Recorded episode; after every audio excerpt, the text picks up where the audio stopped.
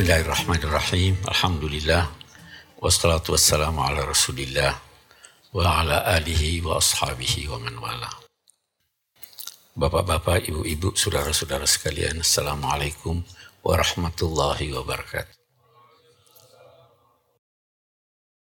Ad-dinul muamalah. Perlu ada hubungan harmonis agama itu hubungan. Hubungan itu hubungan harmonis. Nah, agama itu di samping muamalah dan muamalah itu akhlak.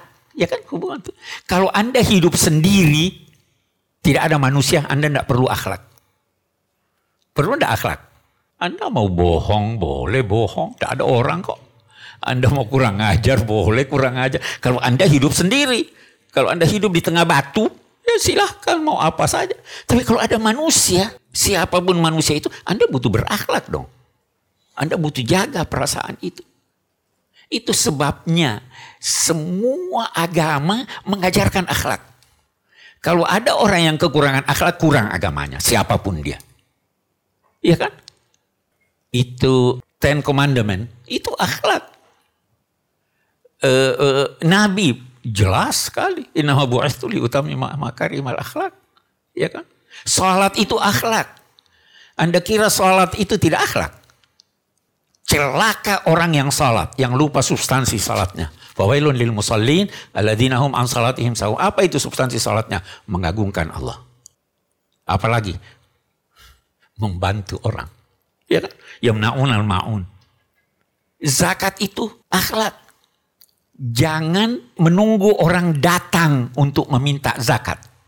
Karena hilang air mukanya. Atus zakat itu bukan berarti keluarkan zakat. Itu terjemahan yang keliru. Atus zakat itu artinya antar zakat. Itu sebabnya ada amil.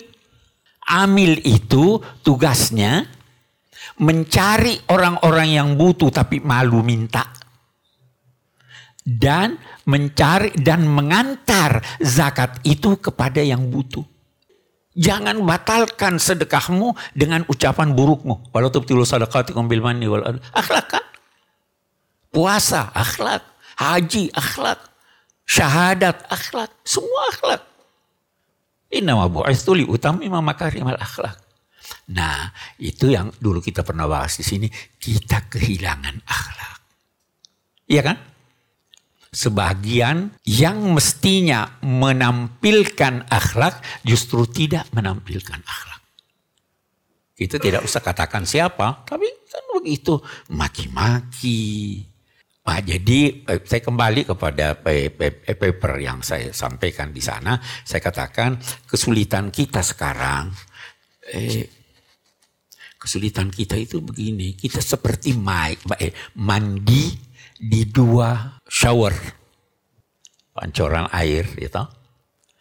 Ada air bersih, ada air kotor.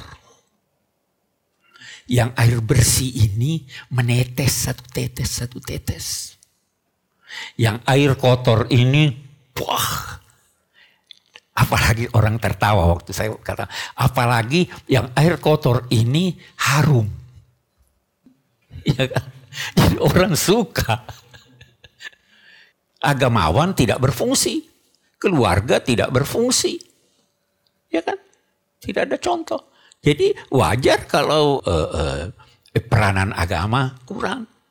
Nah, satu putir lagi yang eh, yang eh, juga saya sampaikan di sana dan dan itu eh, sebagian yang hadir itu eh, dengan sedikit keberatan menolak. Saya katakan begini kita ini dalam konteks eh, memfungsikan agama, dulu orang berkata mari kita bendung keburukan itu sehingga tidak kena kita, tidak kena anak kita.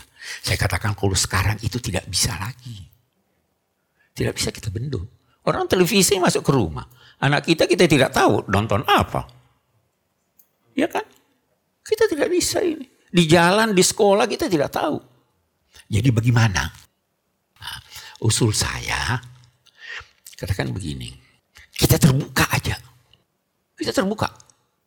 Kita nampakkan keburukannya setan. Jangan tutup-tutupi setan. Karena dia sudah nampak. Nah, dalam konteks ini saya katakan di sinilah perlunya dipertimbangkan memberikan pendidikan seks terhadap anak-anak kita. Mau tidak beri pendidikan seks sama anak? Kalau diberi dengan benar dengan ini tidak ada masalah kan? Tapi kalangan umat Islam ulamanya ini masih oh bagaimana? Saya bilang itu kita ajar anak-anak sebelum sebelum dia eh, eh, dewasa anak perempuan kita ajar nanti ada masanya haid, ya kan? Anak laki-laki kita ajar. Nah, tapi kita tambahkan hati-hati menggunakannya. Kita tunjukkan keburukannya. Karena apa? Setan itu kalau tidak ada, kita tidak tahu kebaikan. Iya. Kalau tidak ada yang sakit, kita tidak tahu apa itu kesehatan. Jadi kita butuh enggak itu. Nah, setan kita mau tutup-tutupin enggak bisa lagi ditutup-tutupi sekarang. Orang udah masuk di kamar kita. Jadi oke okay deh, silahkan terbuka. Bagaimana tugas kita? Kita jelaskan ini buruk, ini dampaknya, ini dampaknya. Biar anak-anak kita tahu sehingga dia menghindar. Nah ini di kalangan ulama Islam itu masih ragu-ragu untuk menerima itu. Ya, tetapi sebenarnya kita perlu pikir karena kita tidak bisa lagi, tidak bisa ditutupi lagi. Kita tidak bisa kontrol anak kita, orang di HP. Ya, tidak bisa. Kita lihat itu. Itu ada film, itu bagus. Eh, eh, bagaimana itu aborsi. Ya toh, itu kalau lihat filmnya ngeri itu. Tapi kan tidak dilihat. Yang tergambar sama anak-anak hanya hubungan sebelum terjadinya aborsi. Tapi lihat. Nah ini yang perlu supaya berperanan itu. Akhlak. Eh, eh, kesulitan kita yang mestinya memberi teladan baik justru memberi teladan buruk. Iya kan? Ada ndak pemimpin yang mestinya memberi teladan baik, beri teladan buruk? Ada. Ada ndak ulama yang begitu? Nah, banyak, saya tidak mau bilang banyak, tapi ada. Boleh jadi termasuk saya juga begitu. Ya, kan mestinya memberi teladan yang baik loh. Repot kita. Nanti memang akan datang suatu masa di mana eh, uzlah itu lebih baik.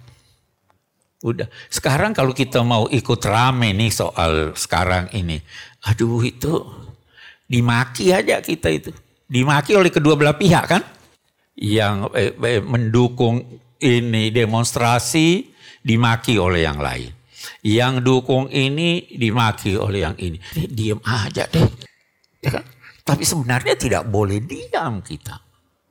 Eh, itulah agama. Itulah beragama Kesimpulannya, semakin baik interaksi Anda, semakin baik keberagamaan Anda. Jangan pernah membenci manusia, bencilah kejahatannya.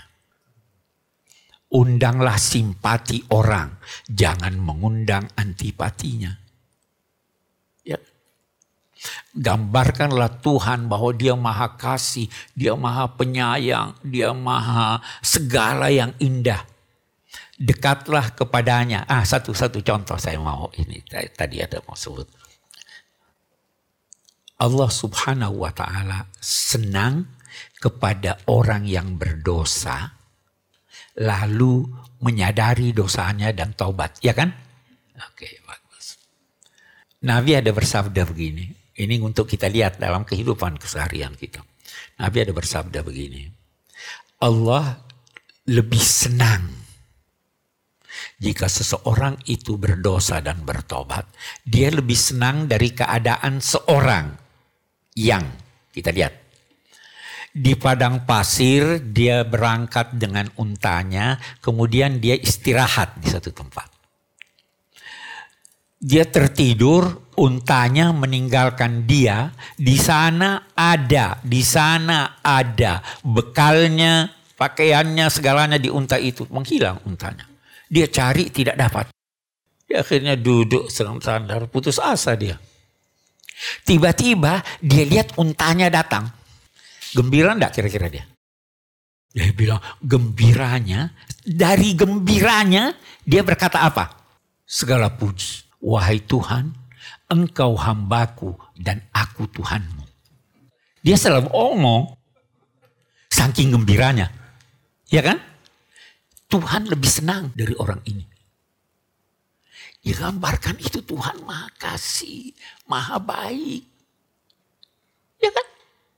Itu ada orang menafsirkan sifat Tuhan jabar. Apa artinya jabar? Tegas, bagus, angkuh, perkasa. Ya. Kalau ini jangan tafsirkan begitu. Ada dalam bahasa Arab orang yang luka diperban dengan apa namanya itu dengan semen itu apa namanya itu? Di gips nah, itu namanya jabira jabar itu yang menutup luka untuk menyembuhkan. Jadi bukan jangan tafsirkan Tuhan itu. Jabar perkas gambarkan Tuhan itu indah. Gambarkan dia menarik Supaya apa yang ada dalam benak Anda, yang ada dalam pikiran Anda, yang ada dalam hati Anda, itu yang keluar berupa kasih sayang. Ini kan tidak ada nih. Yang ada kan, oh hati-hati Tuhan mengancam kamu, ya hati-hati ya. Cara mengajarkan agama keliru. Jadi akhlak juga keliru. Saya kira itu yang dapat saya sampaikan. Mudah-mudahan ada manfaatnya. Alhamdulillah.